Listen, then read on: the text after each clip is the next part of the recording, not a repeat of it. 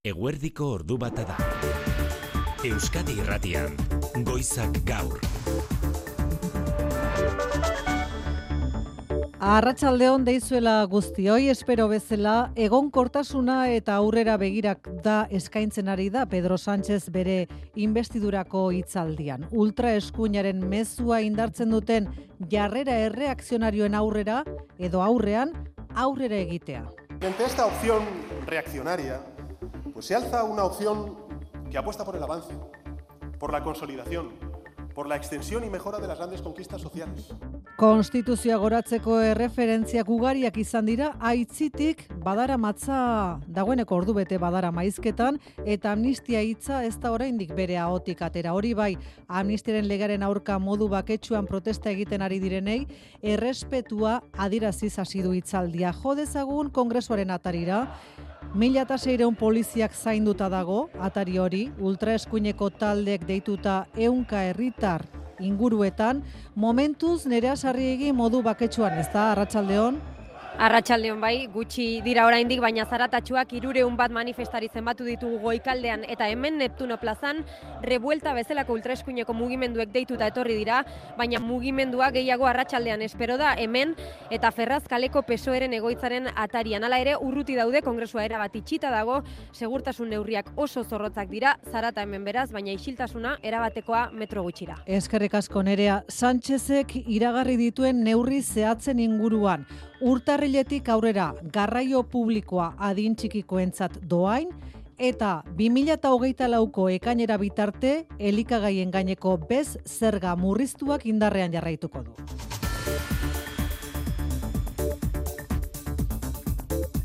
Eguneko beste harreta gunea eki alde hurbilean jamas suntxitu arte eta baituak etxera itzuli arte, Israelek ez du gazan arnasa hartzen utziko. Hori garbi esan du Israelgo defensa ministroak eta horren adibide da Al-Shifa erietxearekin egiten ari direna. Israelgo soldaduak erietxe barrura sartu dira goizean, jamaseko ekintzaileen bila, erietxe barruan gertatzen ari denaren inguruan landerra izagirre, oso informazio gutxi daukagu, hori bai badakigu oso modu bortitzean ari direla Israelgo soldaduak alxifa erietxe barruan. Solairu, solairu eta gelaz gelari dira soldadu Israeldarrak alxifa ospitaleko eraikin guztiak miatzen indarkeria handi sartu dira bertara lekukuen arabera eta izua da nagusi gaixo osasun langile eta bertan babes hartutako zibilen artean ospitaleko hainbat departamentu zuntxitu dituzte eta tirokatuen berri ere jaso du nazio batuen erakundeko unra agentziak Raquel Martida Espainiako zuzendaria. Por algunas comunicaciones que se han podido llevar a cabo, eh, se informa de que, hay, eh, de que han disparado a pacientes y a personal pero no sabemos no sabemos la situación mismo hay, komunikatzea eh, ezinezko bihurtu zaiela ere kontatu dio Euskadi Irratiari Martik Israelek momentuz ez du erakutsi jamaseko kideen edo hospital barruko ustezko tunelen inolako frogarik. Eguneko beste lerroburuak inigo alustiza arratsaldeon. Baita zuri ere maite. Siemens gamesaren lantegiren bat itxi edo langila kaleratzeko plan zehatzik Euskal Herrian oraingoz ez du Siemens Energy. Multinazional Alemaniarrak iazko galeren alako bostia lau mila eta seio milioi euroko galerak aurkeztu ditu gaur Siemens gamesari egozten dizkionak, baina hala ere Christian Bruch Siemens Energiko buruak ziurtatu du Espainiar estatuan jarraituko dutela. Gogora dezagun Euskal Herrian 2000 eta bosteun langile inguru dituela Siemens gamesak eta haren jabe Siemens Energik Alemaniako eta Espainiako gobernuen berme edo abalak izango dituela galera hondiei aurre egin izateko. Ez dira hala ere egoeraz fio langileak. Jon Redondo elako ordezkaria. Guk uste du instituzioetatik da tozen da diru laguntzak edo laguntzak enplegua bermatzen badute, ba, bueno, ondo ikusten du, ezta, e, laguntza guzti horiek, baina, bueno, enpresaren estrategia ikustear dago.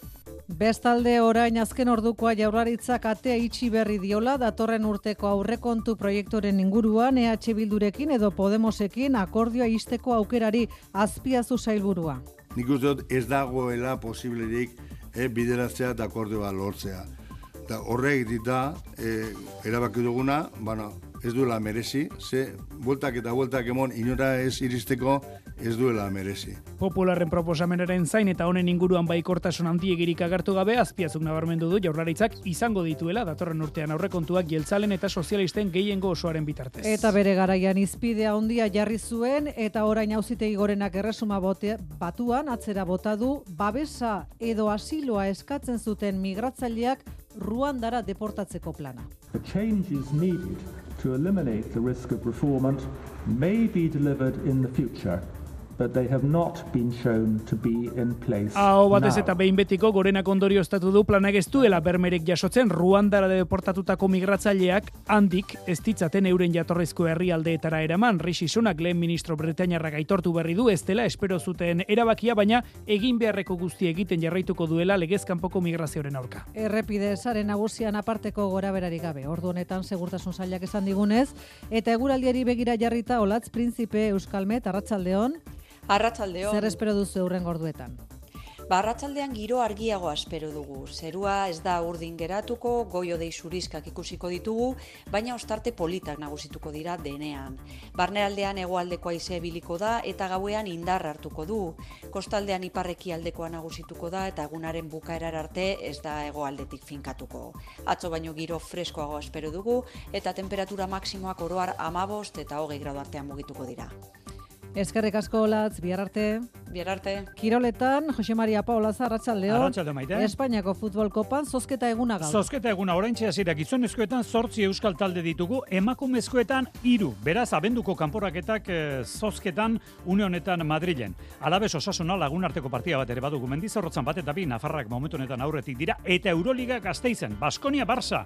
Gainera Errumanian seietan Bilbo Basketek partida dauka Eurokapen. Ordu bat aterdietan kiro legez eta ordu biterdietan kultur leioa Manu Etxezortu Arratsaldeon. Kaixo maite. Bilboko Itsas Museoak bere hogei garren urte horrenerako egitarau zabala prestatu du. Ilonen hogeian beteko ditu bi hamarkada Bilboko Itsas Museoak Bizkaiko Itsas kultura zabaltzeko jaio zenak Jon Rui Gomez zuzendariak museoaren lorpenen berri eman du.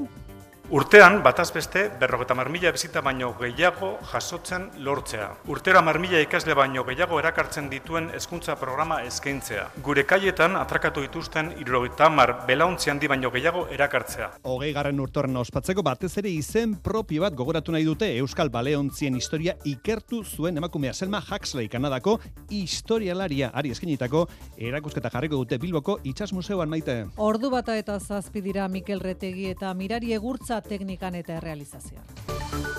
Euskadi Irratian. Goizak gaur. Maite Artola. Buenos días, eh, Egunon, bon día, bos días. Lau hizkuntzatan agurra eta modu baketsuan manifestatzen ari direnekiko errespetua adiraziz ekin dio investidurarako hitzaldiari gaur Pedro Sánchezek. Ordu bete pasatxo, kongresuko tribunara igo denetik, oraindik amnistia hitza ez dugu bere hautan entzun, konstituzioa goratzeko berriz dozenaren bat erreferentzia egin ditu gutxienez. Espero bezala, egonkortasuna eta etorkizuna eskaintzen ari da, Sánchezen hitzetan eskuinetik sustatzen dituzten jarrera erreakzionarioen aurrean Mikel Arregi Arratsaldeon.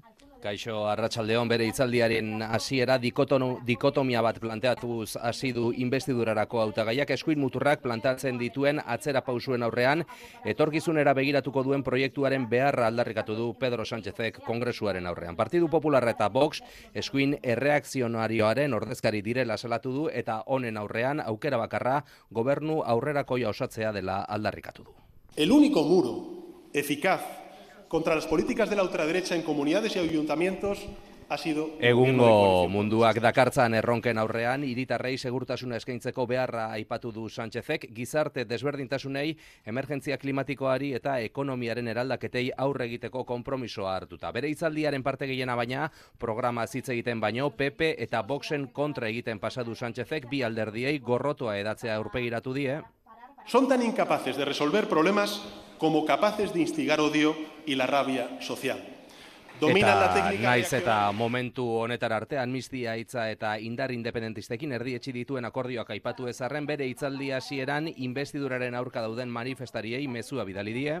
A todos quienes han ejercido este derecho de modo pacífico y subrayo. Esanaz, konstituzioak manifestazio eskubidea aurre ikusi arren, badela honen gainetik dagoen beste eskubide bat ere, eskubide hori botoa dela esa, eh, botoa ematea dela esan du eta hori dela in zuzen gaur hemen kongresuan gertatuko dena. Uztailaren 23 hauteskundeen ostean, bera Pedro Sánchez gobernu presidente aukeratuko dutela. Sánchezek investidura hitzaldia baliatu du esan dizuegu hainbat iragarpen egiteko orain arte nagusiena inflazioari aurre egiteko neurriak luzatu egingo dituztela igotzalkorta. Luzatu egingo da bai, 2008 lauko ekainera arte gutxienez, elikagaiei eta oinarrizko produktuei bez basua ezartzeko politika. Eta era berean, hogeita emezortzi mila eurora igoko dute familia bat zaurgarri gisa hartzeko gehienezko errenta, familia gehiagotara iritz dadin, maileguei aurre egiteko Espainiako gobernuaren laguntza. Eta askoren intereseko izango den beste iragarpen hau ere entzun diogu.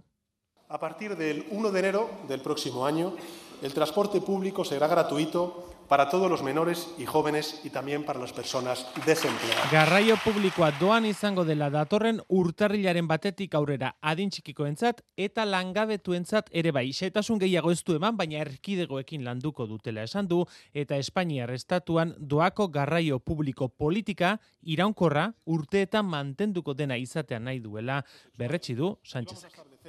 Por ley que esos mismos protocolos de prevención y formación se cumplan en todas las Ordu bata eta maika minutu dira izketan jarraitzen du Sánchezek. Orain arte Adirazi eta iragarri duenaren berri eman dizuegu, oposizioko alderdiek PP eta Voxeko eskainoetatik hainbat aldiz eten dute jarduneko gobernuburuaren hitzartzea urtzigartzia. Bi alderdi horiek gobernua osatzen duten autonomia erkidegoetan eskubide sozialak murrizten ari direla edota ustelgereiren aurkako bulegoak itxi dituztela salatu duenean Sánchezek orduantxe eten dute bere hitzartzea Franzina Armengol, kongresuko presidentak berak isiltzeko eskatu behar izan die.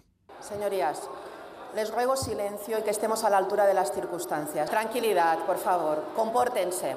Señorías, guarden silencio. Un poco de seriedad y un poco de respeto. Arratzaldeko lauretatik aurre hartuko dute hitza gainerako alderdik esan bezala handitik txikira, talde parlamentario bakoitzako hogeita mar minutu izango ditu, gaur hitz egingo ez dutenek bihar goizen egingo dute, alderri sozialista izango da azkena hitz egiten, ondoren bozketa, ez usterik ezean beraz, Pedro Sánchez presidente izan izendatuko dute, bihar eunda irurogita beretzi botorik. Esan dizuegu mila eta seireun polizia inguruari direla kongresua zaintzen, investidura saio honetarako talde ultra eskuindarrek une batean egin dute deia kamioi traktore, autobus eta taxi gidariei kongresura gerturatzeko baina apenas izan duen horrek eraginik, une honetako argazkian ere asarriegik. Bai, berreun eta irureun manifestari artean zenbatzen ditugun honetan Neptuno plazan eta goikaldean daudenen artean, revuelta eta noviembre nazional bezalako ultraeskuineko mugimenduek deitu dituzte, goiz osoan, ez da hemen ordezkari politikorik izan, eta oiuen artean ba, berritasun gutxi, Sánchez eta Puigdemont espetxeratzeko eskariak, eta prentsaren aurkako aldarriak gero eta gehiago dira, eta arratsaldean espero da mugimendu gehien. Alde honetan zarata, metro gutxi batzuetara, erabateko isiltasuna. Perimetro osoa dago erabat itxita, mila eta zeireun polizia agente, bost kale itxi- itxita, esiak non nahi, eta oinezkoentzat kontrolak barrura sartzeko akreditazioa ezinbestekoa da, diputatuak bertako langileak eta kazetariok bakarrik sar gaitezke, hau da edozein oinezkok gaur eta bihar egun osoan zehar karrera de San Jerónimon jasoko duen erantzuna. No puede pasar directamente. ¿Y, qué tiene que hacer dar la vuelta? Claro, sí, Vale. por aquí, por cualquiera de las calles ya, por, Vale. por Madrazo. Sar daitezkeen besteak perimetroaren barruan bizi diren pertsonak oso gutxi ikusi ditugu entzun. Nos tienen cortados todo el rato. Y por ejemplo, yo tengo una chica que me viene a hacer la casa. Astelenetik dago dena erabat itxita eta hala ere hemiziklo barruan ere kontrola zorroztu dute, polizia txakurrekin sartu da eserlekuz eserleku dena zaintzera. Madrilen ekitaldi publiko bat kubritzeko martxan jarri den dispositiborik zabalenetakoa da. Azken urteetan hiru gertakaritan bakarrik izan dan diagoa, Felipe Seigarrenaren koroatzean eta arrisku maila handiko bi futbol partidatan. Gauerako ferrazen ere deitu dituzte protestak, beste egun batez, han egunero irureunda berrogeita mara agente izaten dira, ba dispositiboari eutxiko zaio bi egun hauetan. Bien bitartean Kataluniako barne konsellaritzak Carles Puigdemont, Generalitateko presidente oiari eta Juntzeko buruzagiari bizkartzainak jartzeko eskaria luzatu dio Espainiako gobernuari. Buruzagi independentizaren aurkako mehatxoak areagotu egin direla eta mosoek Espainiar mugetatik kanpora ezin dutela ura babestu argudiatuta, Grande Marlaskak idatzen duen ministerioak bere gainartu du eskariaren kudeaketa eta estatuko abokatu elkartera bideratu du eskari hori. Jo dezagun orain Bruselara amnistia legeaz egingo duen azterketarekin Bruselak lasai dagoela jakinarazi du gaur pesoek izan ere Bart helarazi dio Sánchezen jarduneko gobernuak amnistia lege proiektuaren testua Europako batzordeari. Hain zuzen ere, Europako foro hori baliatu nahi du PEPek salatzeko amnistia legearekin Espainiako botere banaketa deuseztuta gelituko dela. Ungariak zuzenbide estatuan egin dituen urraketengatik zabalik duen prozeduran, Espainiako gobernuak urratxik ez ematea hori Partidu Populararen ustez oso da adirazgarria Maia Portugal Arratsaldeon. Arratsaldeon bai, Ungariaren zuzenbide estatuaren auzia jarraitzen duten eurodiputatuak ez daude bat ere pozik Espainiako gobernuak egin duen lanarekin kontseiluaren txandakako presidentzian eta hori baliatu du PPek auspotzeko Espainiako zuzenbide estatuaren inguruan leudeken balizko zalantzak. Dulos Monserrat eurodiputatuak dio Sánchezek ez duela Ungariaren auzia ukitu nahi bueltan kolperik ez jasotzeko eta badira PPren argudi hori erosten ari diren nazioarteko kazetariak auziaz galderak izan baitira jada Bruselako prentxaurrekoetan. Era berean, PPko eta Ciudadanoseko eurodiputatuek gutunak bidali dituzte Europar instituzioetara eta amnistia legeari buruzko debatea txertatzea lortu dute Estrasburgon datorren asteko osoko bilkuran. Nola nahi ere, Didier Reinders Justizia Komisarioak esan du, berak ez duela kezkarik agertu amnistia legeari buruz, baizik eta Madrili galdera egin, hainbatek helarazi dizkioten kezke ezentzun.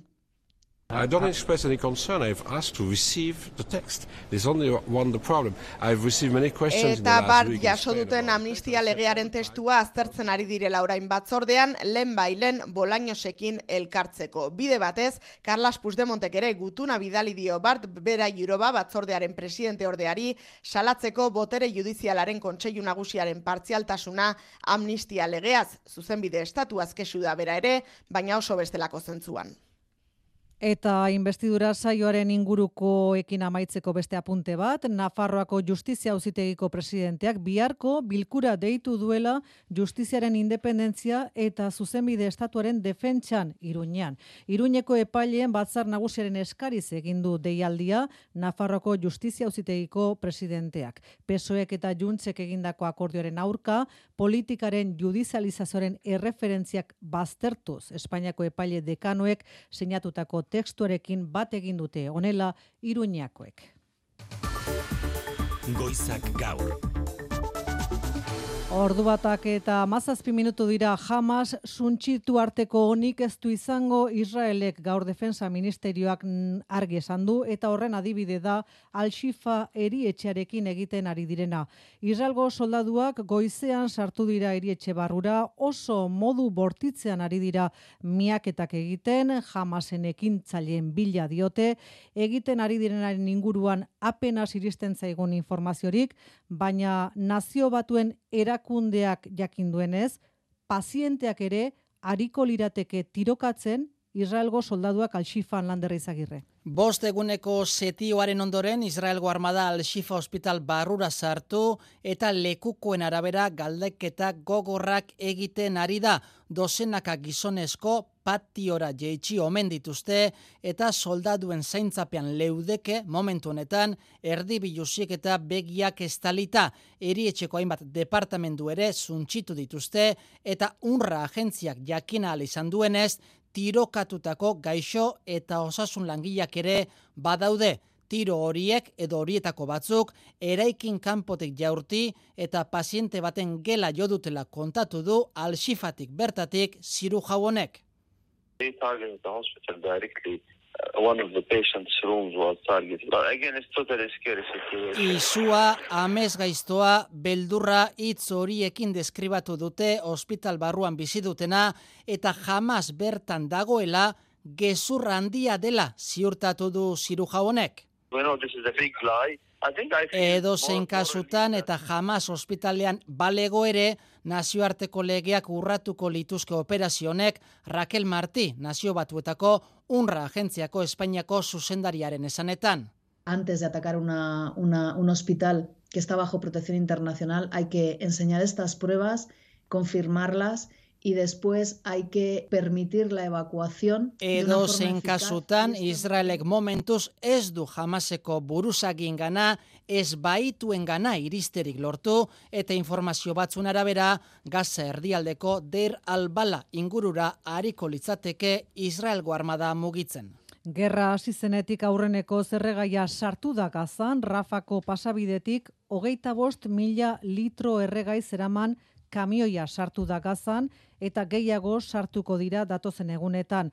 Raquel Martik, unra agentziaren Espainiako zuzendariak Euskadi irratiari jakinarazi dio, hori uskeria dela gazako ondamendi humanitarioarintzeko. Es una buena noticia. Albiste da, baina jakina ur, elikagai eta botikekin bezala gertatuko da. Agua, que es absolutamente insuficiente con un camión. Motz geratuko da. Kamioi bakarrarekin eh, ezin da zer egin. Eun kamilaka litro behar ditugu. Lo que se necesitaría ahora mismo para revertir la catástrofe humanitaria Ordu bata eta hogei eta Turkiako parlamentuan Israel estatu terrorista bezala definitu du gaur Tayyip Erdogan presidenteak. Evlerini terk etmeye zorladığı sivilleri yolda kasıtlı Zibilen hilketak salatu ditu, Recep Tayyip Erdoganek eta Netanyahuren aroa amaitzear dagoela iragarri du. Jamasen zilegitasun politikoa ere defendatu du. Talde islamistak hauteskundeak irabazi zituela gogoratuz. Naiz eta ondoren Erdoganen hitzetan estatu batuek eta Israelek garaipen hori laportu. Ekialde hurbilera ere begiratu du Pedro Sánchez Espainiako gobernu buruak bere investidura saioko hitzaldian, Ukrainan Errusiaren inbasioa salatu zuten indar berarekin gaur suetena eskatu dio Israeli txalo artean.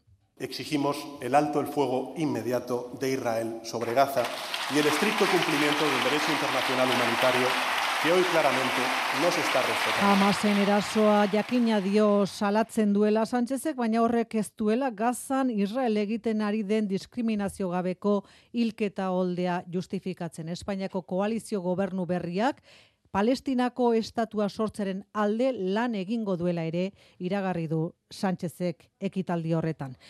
Ordu bata eta hogeita bidira gai ez aldatuta euroguneko ekonomiari azkundea pala urre ikustien dio Europar batzordeak datozen urteetarako. The EU economy has lost momentum So we are in a Paolo Gentiloni ekonomia ministroak bai estatu du pandemia osteko susperraldia amaitu dela eta inflazio altuaren ondorioz eta ura murriztu asmoz zigo dituzten interestasen ondorioz ekonomia euneko 0,6 baino ez dela hasiko aurten eurogunean bat koma datorren urtean eta bat koma sei eta hogeita bostean amar estatukidek azkunde negatiboa izango dute aurten tartean batasunaren motore den Alemaniak aldiz azkundea euneko batekoa izango da Frantziar estatuan eta bi koma laukoa Espainiar estatuan. Itz egin dezagun Siemens Gamesaren eh, lantegiaz. Gaur gaurkoz mai gainan ez dago Siemens Gamesaren lantegiren bat itxi edo plantilla murrizketa egiteko asmorik enpresa horrek dituen arazoen eraginez Siemens Energyk ia 4600 milioi euro galdu dituen arren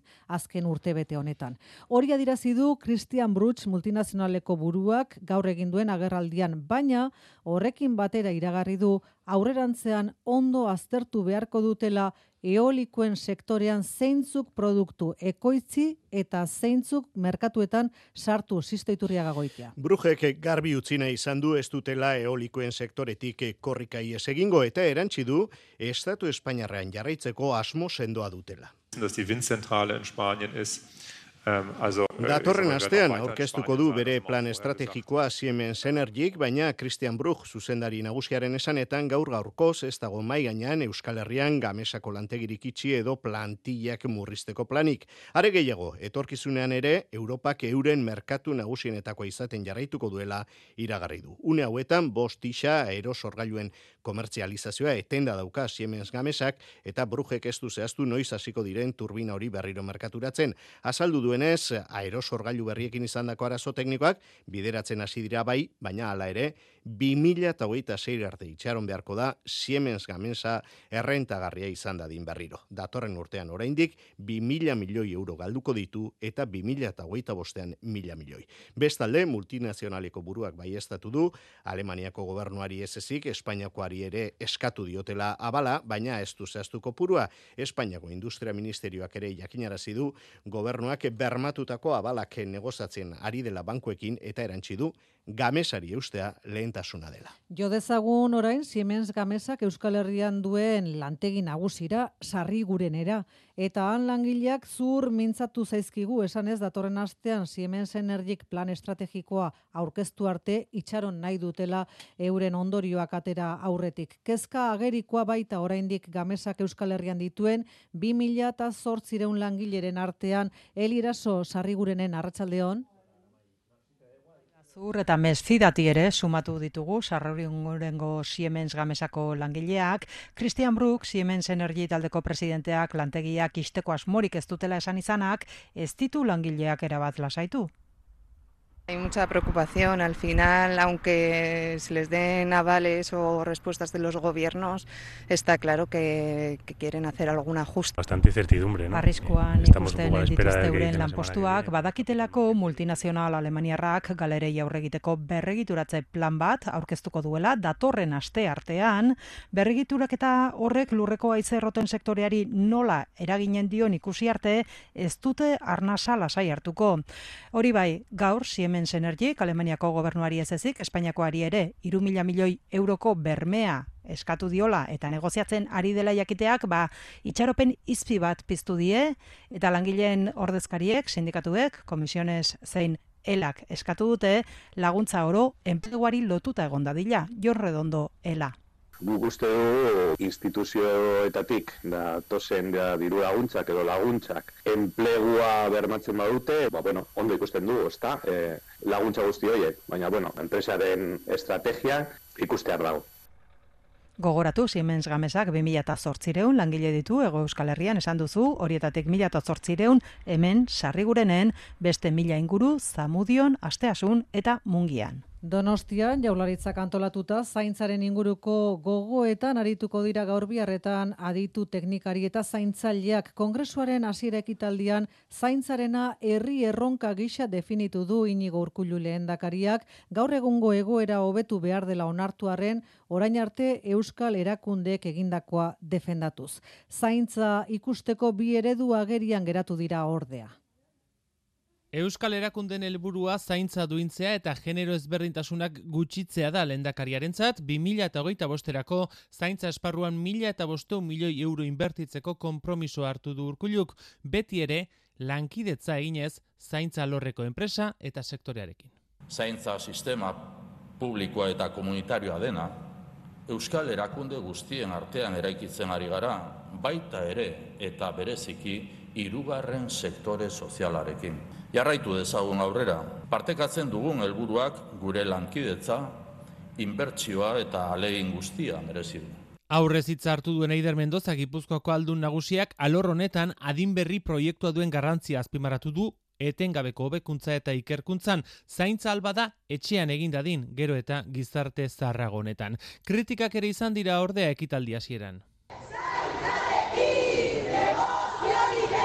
Zaintzarekin negoziorik ez lemapean, greba feministaren aldeko oiuak egin dituzte hainbat emakume kanporatu egin dituzte eta atarian ere dozenaka bildu dira oiu berberak eginez. Argi diote, zaintza ezin dela privatizatu eskubide gisa ulertu behar dela. Ordu bata eta hogeita zortzi jo dezagun diputatuen kongresura. Pedro Sánchez jarduneko gobernuko presidentea bere investidurako hitzaldia amaitzear behar du. Esan dizuegu sarreran egonkortasuna eta aurrerako begirada eskaini dituela bereziki hitzaldian. No solamente que Amnistia hitza ordu bat bitarte behin ipein bere ahotan ez du entzun, baina egin dezagun laburpena Mikel Arregi aurrera. Pues es que sigamos mejorando las condiciones laborales y salariales de los trabajadores y trabajadoras. Ea Mikel Arregirekin konexio hori egiteko modua daukagun, diputatuen kongresuan, Mikel Aurrera. Bai, Pedro Sánchezek bere hitzaldi amaierarako utzi ditu Kataluniako gatazkari buruzko aipamenak, independentistekin lortutako akordioak, lau urteko legealdia irabasteko bakarrik ez, bizikidetzan oinarritutako etorkizuna lortzeko beharrezko pausua dela aipatu du, eta bere hitzaldi guztian egin bezala bere gobernuak egingo duena PEPek iraganean egindakoarekin alderatu ditu. Orain gobernuak herritaren arteko topagunea bilatu nahi duela esan du, mendeku aurkitu beharrean eta estatu arrazoiengatik amnistia legea onartuko duela. En nombre de España y en nombre de, del interés de España en defensa de la concordia entre españoles, vamos a conceder una amnistía a las personas encauzadas por, los, eh, por el proceso catalán. Bere diputatuen txalo artean eh, ospatu du Sánchezek eh, iragarpena eta ipatu e, orduta erdiko hitzaldiaren ostean momentu batetik bestera bukatuko duela hautagai sozialistak bere investidura hitzaldia. Era legal, legal perdón, cobrar a los pacientes más vulnerables un copago Esan dakoa Pedro Sánchez, bere investidurako hitzaldia amaitzen orduanetan, arratsaldeko ordubietako goizak gaur albistegian eskainiko dizuegu, xeetasunez berriz ere hitzaldi horretako titular nagusienak, arratsaldean eten bat eta gero oposizioko taldeak ere entzungo ditugu investidura eztabaidan eta bihar egingo da bozketa okerrik ezean berriz ere Pedro Sánchez Moncloarako bidean utziko duen bozketa. Ordu bat aterdiak.